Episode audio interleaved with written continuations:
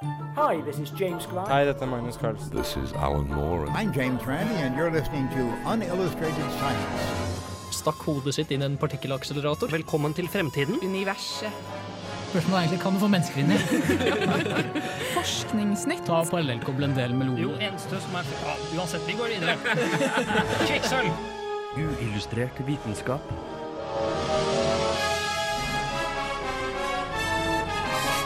Science, works. I dagens sending diskuterer vi hvordan sultkrisen i verden kan fikses med å spise insekter. Hvorfor døgnet er delt inn i 24 timer. Og hvordan genmodifiserte mygg kan utrydde denguefeber.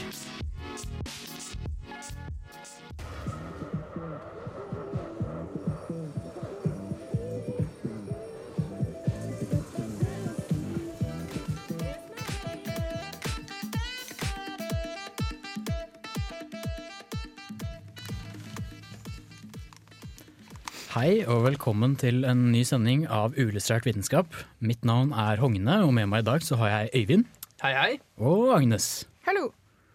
Og eh, ja, vi kan jo begynne med funfacten, og den er det du som har, Øyvind. Ja, I dag som i forrige uke, mener jeg å påstå. Ja, det husker jeg ikke, men det er mulig. Ja, nei, Det husker jeg. det husker jeg Og ikke bare husker jeg det, men jeg husker også ukas fun fact. Mhm. Og den eh, går som følger. Og det, det har seg nemlig sånn at okser de blir ikke sinna av å se rødt. Faktisk så kan de ikke se rødt. Hmm. Oh. Ja, fordi er um, Det her var vel det du snakket om i forrige uke, Hogne, med den her um, sjøkneleren. Eh, ja. Hvordan kan hvordan er tolv forskjellige Hva var det du kalte det? Eh, lyssensorer, jeg vet ikke. Jeg husker Ja, ikke hva jeg kalte det. la det. oss kalle det lyssensorer. Eh, Ja. På samme måte så har oksen bare to forskjellige sånne. Og da Mm. kan den dermed ikke se rødt. Det som gjør den sinna, det er, eh, det er ikke fargen på kappen til han der matadoren i, eh, i tyrefekting. For det er gjerne der det stammer fra. Ja. Men uh, faktisk det at han står og flagrer med den og gjør oksen ilter og prøver å få den til å angripe. Da. Ja. Er det bevegelsen, eller er det bare han matadoren som bare hisser opp uh, ved å drive og være teit? Det, det er mest at oksen syns han er så innmari teit. Ja. Ja, også hvis det er noen som driver og vifter og sånne ting, så bare Ja, OK, jeg kan begynne å stange deg, da. Så kan du Bare slutt. Ja, nå driter du i, så løper du mot den. Uh, ja, uh, vi kan jo begynne med en uh, låt med en gang. Nå får vi 'Men kjære deg, du brenner jo' av Blomst.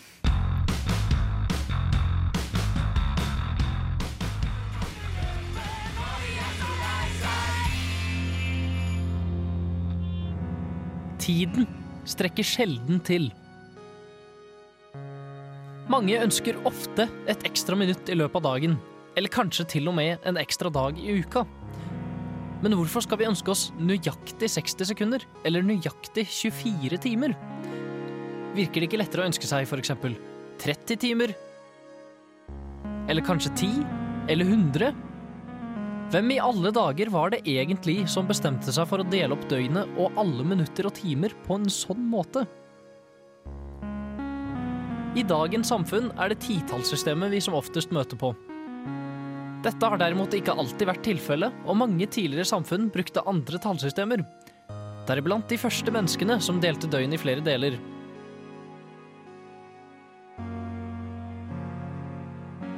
Egypterne var usedvanlig glad i tolvtallssystemet, som de videreførte gjennom sin oppfyllelse av soluret ved å dele dagen i tolv deler.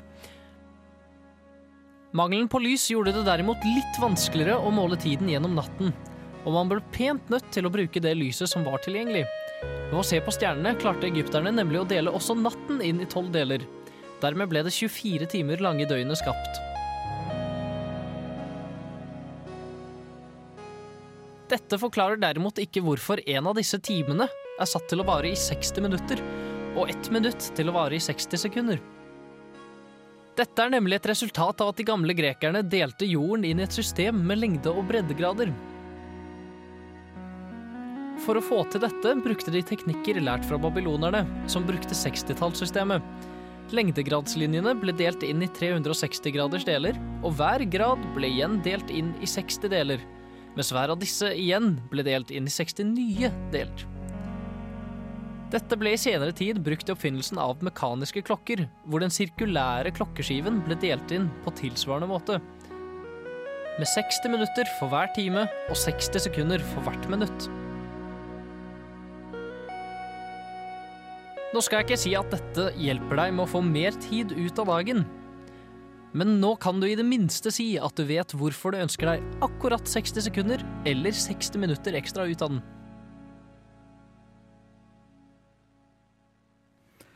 Ja, der fikk vi høre litt hvorfor eh, døgnet er delt inn i Eller minutter er delt inn i sekunder, og hvorfor det er sånn som det er. Hvorfor var de egentlig så glad i tolvtallssystemet? De Man har noen teorier, eh, og man vet jo ikke helt sikkert. Det er ingen som har kunnet gått og spurt dem akkurat. Men én ting er jo det at eh, du har tolv eh, sånne månesykluser i løpet av året. Tolv Ah. fullmåner, da, for eksempel. Eh, mens det andre er det at eh, på hånda di så har hver finger, hvis du ser bort fra tommelen, har hver finger tre ledd på seg. Og da kan du telle til tolv på alle leddene med tommelen. Ah. For jeg har jo hørt at tolvtallssystemet er jo egentlig smartere enn det titallssystemet vi har i dag. Ja, for det er, jo, det er jo lettere å dele på visse tall, fordi du kan dele tolv på så innmari mye mer enn du kan dele ti. Mm. For ti kan du bare dele på fem og to, Ja, og det er jo Men- veldig lett å dele Ja. på fem og to. men det er jo ikke så mange tall, så Nei, og hvis vi hadde hatt tolvtallssystemet, så hadde det jo vært lett å dele på to og tre og fire og seks. Og det har vært veldig mye, veldig mye lettere. Det er litt vanskelig å forestille oss, for vi alltid har hatt titallssystemet, da. Ja, for det, det er det man gjerne tenker med Det er en av grunnene til at man tror at babylonerne brukte 60-tallssystemet. Mm. Eller grunnen til at de brukte det, var fordi de fikk det fra en eller annen tidligere sivilisasjon. Men uh, grunnen til at de før dem igjen brukte 60-tallssystemet, um, uten at man egentlig vet, vet helt hvorfor, så tror man at det er fordi det kan deles på veldig mange forskjellige tall. Kan deles på uh, hva er det? da? To, tre, fem, seks, altså ja, masse. Masse Masse. rare. Og, men hvordan delte du egentlig opp disse her tolv delene på natta? Jo, eh, fordi eh, du kan jo ikke bruke solur på natta. Eh, det skal i hvert fall godt gjøres. Men eh, det de gjorde, da, var det at de så opp, eh, de så opp mot stjernene. Og, og så så de at eh, det var eh, Hva var det? Sånn eh, De fant et mønster i stjerner, da, og så stjerner som kom tilbake hver eneste natt. Og ut ifra det så kunne de dele himmelen inn i eh, forskjellige deler. Alle, med alle disse forskjellige stjernene. Mm. Eh, Og etter hvert som natten gikk lenger og lenger, så, eh, så um, Hva var det jeg prøvde å si her? E- Etter hvert som disse, disse stjernene forsvant, da, så kunne de bruke det for å måle tiden. Ja. Men endrer ikke dette seg ut fra hvilken, eh, ja, tid, hvilken årstid du er og sånne ting? Ja, men, det, Og, og hvor på jorda du er også, kanskje? men dette var de gamle egypterne. Altså de holdt seg som regel i Egypt. Ja. ja. Nei, de hadde kanskje ikke så mye problem med det. Ja, men, eh, men det, jeg mener å huske at det var sånn at disse stjernene var der til enhver tid. da. At det var disse stjernene de alltid så. Ja. hvor kommer egentlig disse ordene minutt og sekund fra? Jo, det kommer fra de Som jeg snakket om, så var det de gamle grekerne som eh, delte inn eh, De begynte å dele inn sirkler i eh, disse her 360 gradene Mm. for å få et sånt lengde- og breddegradssystem på jorda. Ja, Det som vi har i dag, eller et annet? Det er vel, det er vel egentlig lite grann Nei, er det kanskje det samme? Jeg vet ikke. Nå, beklager, det her har jeg ikke sjekket. Men, men, men godt mulig at det er det samme, men i hvert fall. Så det som er greia her, var det at uh, de delte opp disse gradene i, som jeg sa, så delte de opp disse gradene i 60 deler. Og så ble de 60 delene delt opp i 60 deler hver. Og de, den uh, første inndelingen kalte de for um, La meg se, det var et veldig sånn latinsk ord, for de var invadert av romerne på den tiden. Eh, men de kalte det for partes minutae primae, som betyr altså den første delen. Og der har du minutae, det er liksom den minuttdelen. da. Mens den andre delen, den eh, enda mindre inndelingen av de 60 delene, eh, kalte de for partes minutae secundae. Og secundae ga navnet sekund. Og minutae i første delen ga minutta. Mm. Ja, så vet dere det. Eh, snart skal vi få litt eh, forskningsnytt, men først så får du Absolution Calling av Incubus.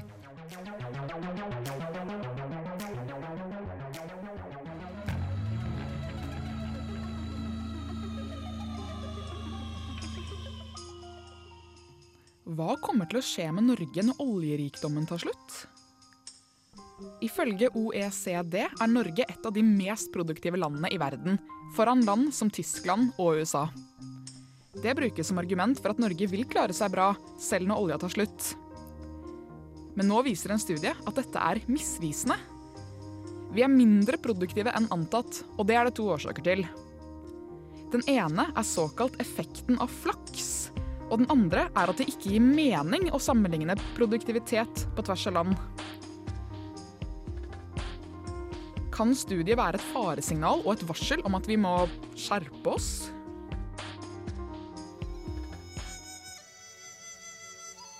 Hvert år legges en halv million mennesker inn på sykehus med denguefeber. Og det er spesielt vanlig i tropiske områder.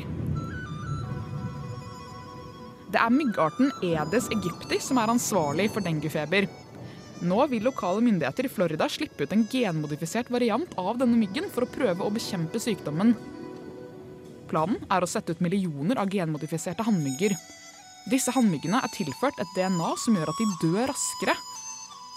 Dette genet er dominant, så når guttemyggen parer seg med jentemyggen, får de et avkom som dør før det rekker å bli voksent.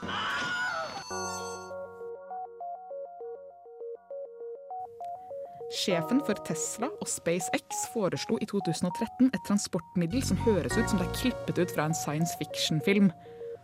Nå har flere firmaer hevet seg på, og transportmiddelet Hyperloop kan bli en realitet.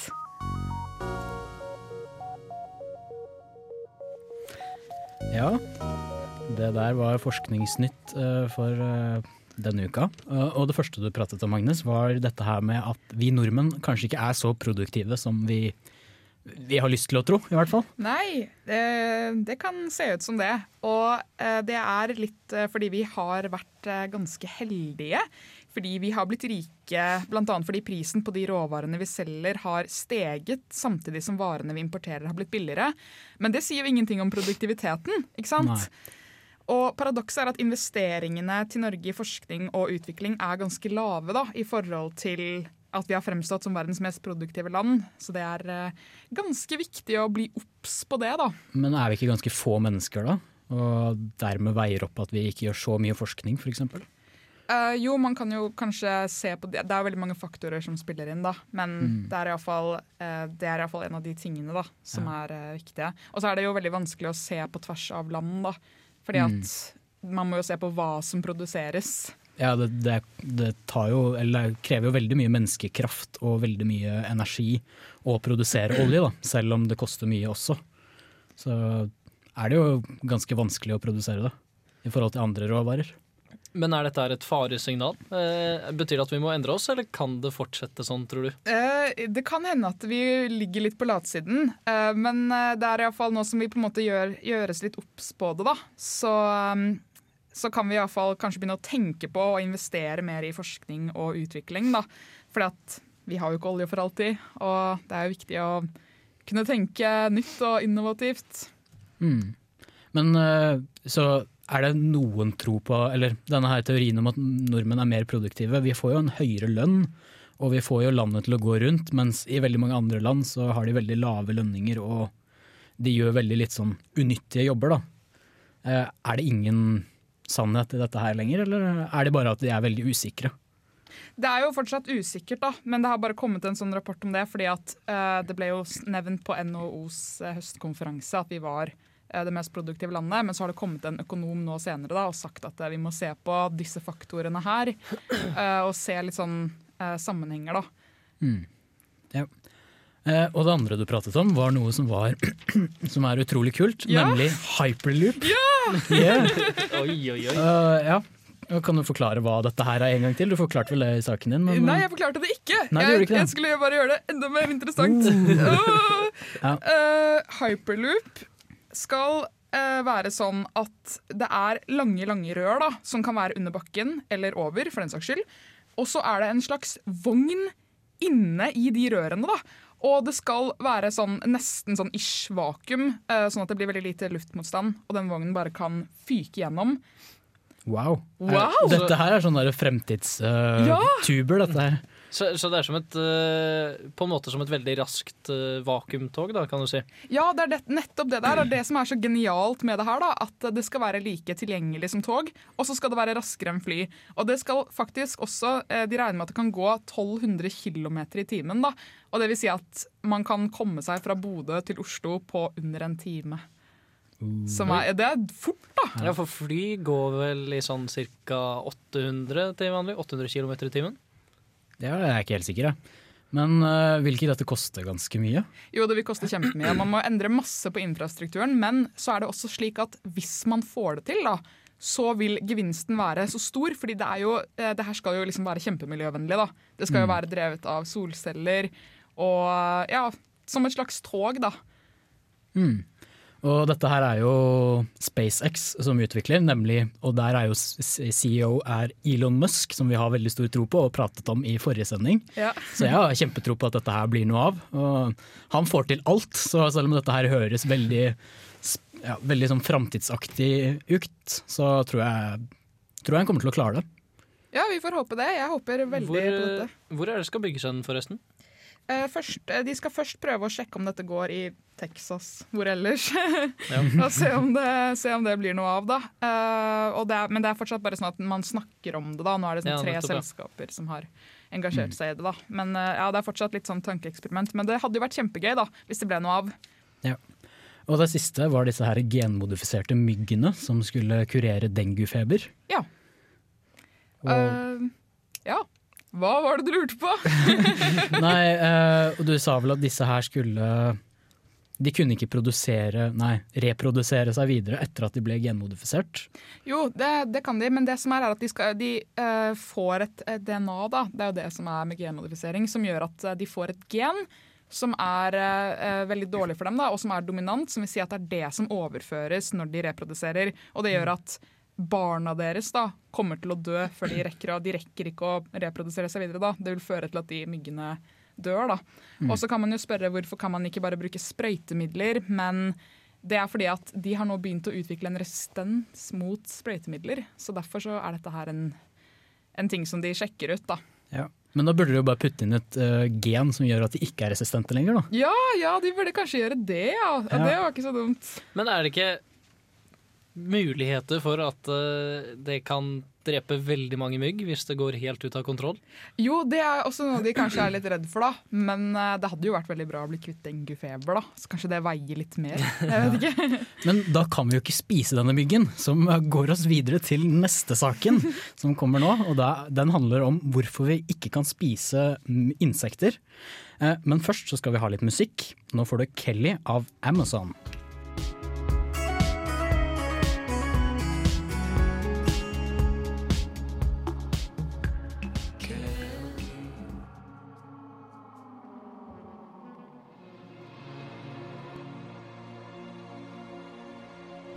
Nesten fire millioner somaliere er nå råka av sveltkatastrofen inne i Somalia. FN har i dag erklært krisen på Afrikas Horn som sultkatastrofe. I Vest-Afrika står én million barn i fare for å bli alvorlig underernært, og mange kommer til å dø av sult, advarer Unicef. Allerede i dag er det stor mangel på mat mange steder i verden. Vi er syv milliarder mennesker på jorda, og nesten én milliard av oss er kronisk sultne. I 2050 vil vi være ni milliarder mennesker på jorda. Noe som betyr at vi må doble matproduksjonen vår. Men hvordan skal vi greie dette? En løsning som FNs landbruksorganisasjon har sett på, og som allerede praktiseres mange steder i verden, er å spise insekter. Det finnes 40 tonn insekter per person i verden, noe som er mer enn nok til å mate oss alle. Det er til nå dokumentert 1900 spiselige insekter, og det er en rekke fordeler ved å spise insekter. De er fulle av proteiner og fiber. De er en god kilde til sunne fettsyrer som omega-3. De har masse næring som kalsium, jern, B-vitaminer, selen og sink. Og de er lette å avle og krever mye mindre landbruksområder og utstyr enn annen type dyreavl. insekter har faktisk også en veldig lav sannsynlighet for å spre sykdommer til mennesker, i motsetning til andre dyr som ku, gris og kylling. Det største problemet er at vi her i Vesten fortsatt ser på det som ekkelt og litt tabu å spise insekter. Dette må endres, og det er ingen grunn til at vi ikke kan spise mer insekter i stedet for kjøtt og fisk, som krever langt mer ressurser. I fremtiden vil vi kanskje se på vår tidsperiode som den perioden da jorden var overfylt med mat i form av insekter, men vi ikke utnyttet det. Og av dette måtte en syvendedel av oss lide og være kronisk sultne.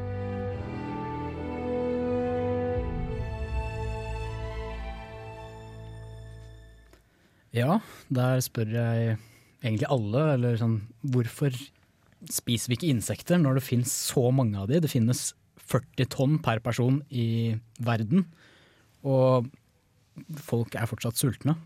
Jeg hadde, jeg hadde mulighet til å spise insekter for eh, to uker siden. Jeg gjorde det ikke, men det sto på bordet og så bort på meg. Ja. Det så, så ut som en, en sånn derre Litt blek kjøttdeig, liksom. Det var noe knust gresshoppe eller noe sånt, med noe ost og greier. Det så ikke veldig fristende ut. Nei, for det er det som er problemet. Det er at vi mennesker, eller nei, ikke vi mennesker, men vi i Vesten blir jo oppdratt til at uh, insekter er ikke noe av det vi skal spise. Mens mm, kjøtt er noe vi kan spise. Kjøtt er jo kanskje, hvis vi hadde tenkt på det, så er jo det kanskje like ekkelt som insekter. Kjøtt som blodig kjøtt og nesten ser ut som å spise deg selv, eller menneskekjøtt på en måte. Det ligner jo veldig. Mens insekter er jo noe helt annet, men de ser kanskje litt ekle ut. jeg vet ikke. Det er det som er problemet. Men det kommer til å være mye mer miljøvennlig og sånn, da. Ja, det er kjempemiljøvennlig. Og eh, det er veldig lett å dyrke eller avle opp i stor skala. Og veldig mye billigere. Det finnes eh, farmer av det allerede. Sånne farmer i Thailand og Kambodsja og andre land i Sørøst-Asia og andre steder. Som avler eh, gresshopper eller mygg eller et eller annet. Da. Og det kan de gjøre veldig enkelt. Det er mye mye lettere enn det å avle fram kuer og store dyr som vi gjør på våre bondegårder. Da. Og veldig, veldig mye mindre plass trenger du. du trenger, ja, insekter krever ikke like mye plass som dyr.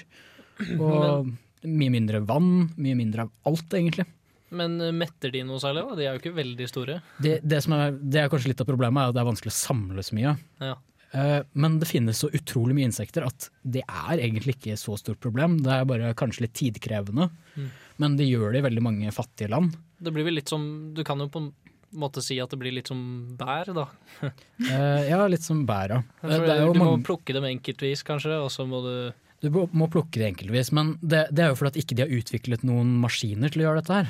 Ja, det er jo fordi at ikke Vesten bryr seg om dette her. Hvis Vesten hadde laget noen maskiner som bare brøytet gjennom og fanget masse insekter, så hadde jo vi fått uh, effektivisert dette her. Og det er jo det som er problemet, er at fattige land har ikke effektivisert det, men de klarer jo fortsatt, uh, ja, de må jo fortsatt finne en måte å gjøre dette her på, da. Er Men jeg lurte på en annen sak. Mm. Fordi du sa at vi må fordoble mengden mat når befolkningen øker med to milliarder. Men hvorfor er det sånn, egentlig?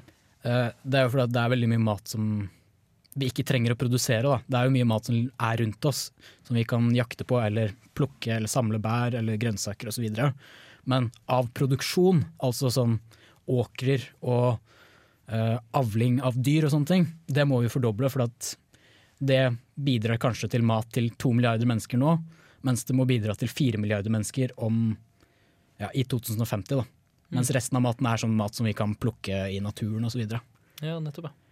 Eh, og så er det ganske mye insekter som smaker ganske godt. De har veldig mye forskjellige smaker. Folk tenker jo kanskje at de bare de smaker ingenting, eller smaker kanskje ekkelt, jeg vet ikke. Men de, de smaker veldig mye forskjellig. Og eh, jeg så jo en dokumentar om dette her, det er derfor jeg, har å, eller derfor jeg hadde lyst til å prate om dette her. En BBC-dokumentar som jeg anbefaler alle å se. Eh, Som viste folk i Thailand og Kambodsja. I Thailand så spiser de så mye insekter nå at de må importere insekter fra landene ved siden av. Og i Kambodsja så viste noen små barn som gikk på tarantellajakt og ja, fanget de da og stakk hendene sine ned i tarantellahull for å få tak i de. Hva het denne dokumentaren? Ehm, Det husker jeg ikke, men vi får, ja, nå får jeg nesten legge den ut på Ja. Facebook-sida, Facebook, for at nå har jeg sagt for mye. Ja, men det, ja. Men er det ikke veldig sånn crunchy? De har jo sånn exoskjelett. Jo, Men det har jo, ja, det har jo krabber også, men det tar man for så vidt ikke og spiser. Uh, nei, men eh, det de sier er jo at dette ligner veldig mye på reker og sånne ting. Da. Og det er jo veldig Ja. akseptert for oss å spise. Reker er ikke noe problem, men når vi går over til gresshopper, så er det mye verre, for de er på land mens reker er i vann. Jeg vet ikke hva som er, Det er ikke noe stor forskjell på det, egentlig. Jeg tror det bare er hva man er oppdratt til. Det er det. I fattige land så har de null problem med å spise insekter. Der var det store skoler som først samlet Alle barna samlet grønne insekter, og så lagde de en sånn insektstuing. Oi. Og dette er kjempenæringsrikt, og det er jo en eh, fin ting for eh, alle steder hvor det er vanskelig for å få tak i proteiner og vitaminer og næring og sånne ting. Så er dette her en kjempesmart ting å spise. Og en siste ting er at vi spiser egentlig ganske mye insekter allerede, fordi det er veldig slappe regler på mat hvor mye insekter de skal inneholde. Og det er jo fordi det er jo ikke farlig for oss å spise insekter. Så om du spiser ketsjup eller rosiner eller makaroni eller noe sånt, så kan det hende at du får masse insektbiter i det. Men det er ikke farlig for deg, og det er egentlig bare næringsrikt. Men eh, nå må vi komme oss videre i sendingen. Nå får du How Long av Natalie Sandkorv.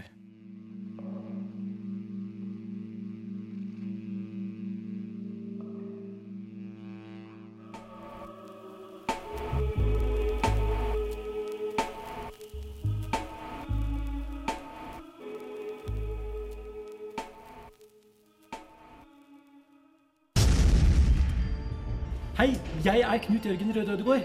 Du hører på Uillustrert, som er eh, like kraftig som en supernova, eller kanskje en hypernova. Like vakkert som en stjernehop, og like spennende som en Venuspassasje. Uillustrert vitenskap. Ja, eh, før vi avslutter helt, så tenkte jeg at vi skulle prate litt om matlaging. Og ja, vi, vi er ikke blitt et matprogram, altså, men eh, eh, vi, vi skal prate om det vitenskapelige bak matlaging, og hvordan det har eh, bidratt til at oss mennesker har ja, evolusjonsmessig utviklet oss til det vi er i dag, da. Det har med matlaging å gjøre. Eh, ja, fordi det er ingen andre dyr på jorda som lager mat, eller steker mat, på den måten som vi gjør. Nei, det hadde tatt seg ut. Og sjimpanser og gorillaer eksempel, som vi kan sammenligne oss med ganske mye, de bruker 80% av dagen sin på å spise mat. Mens vi mennesker bruker eh, ja, litt forskjellig, men eh, ja, vi vanlige mennesker bruker ikke så lang tid i løpet av dagen på å spise. Uh, og det bidrar til at vi har veldig mye mer fritid, og bidrar til at vi kan utvikle hjernen vår på mange andre måter da, som ikke sjimpansen og gorillaen og sånne ting rekker. Men si for eksempel eh, hunder, da. eh, som kjæledyr. Vi, det er jo vi som setter fram maten til hundene, som regel. De kan bare komme og gå som de vil og gjøre hva de vil. De har jo teknisk sett enda mer fritid enn vi har. Ja, men de har ikke hatt det så lenge som oss, da. Nei, nei, men altså Hvis vi sier, sier en gang i fremtiden, hvis dette går over noen millioner år, tror du at hunder kan bli kjempesmarte da? Man har jo sånn at katter i forskjellige Kanskje. land har begynt å spille på nettbrett. og begynt å, De har liksom funnet, eh, funnet masse sånn filmer av katter som driver og gjør ting. da. Kanskje de har begynt å få sånn fritidsproblemer, så de har begynt å, begynt å ha sånne aktiviteter. Driver og spiller på nettbrett og spiller i band sammen og gjør ting og sånn. Ja. Nei, men eh, det med fritid er i hvert fall en ting som de tror er veldig viktig da, for at du skal rekke å utvikle hjernen. Og så er det selvfølgelig det å få ekstra energi fra maten da, gjennom at du kan spise mer og det er varmet opp og det går fortere å spise det. da. Men eh, ja, vi begynner å nærme oss slutten. Eh, nå får du 'Superhero' av Fate No More.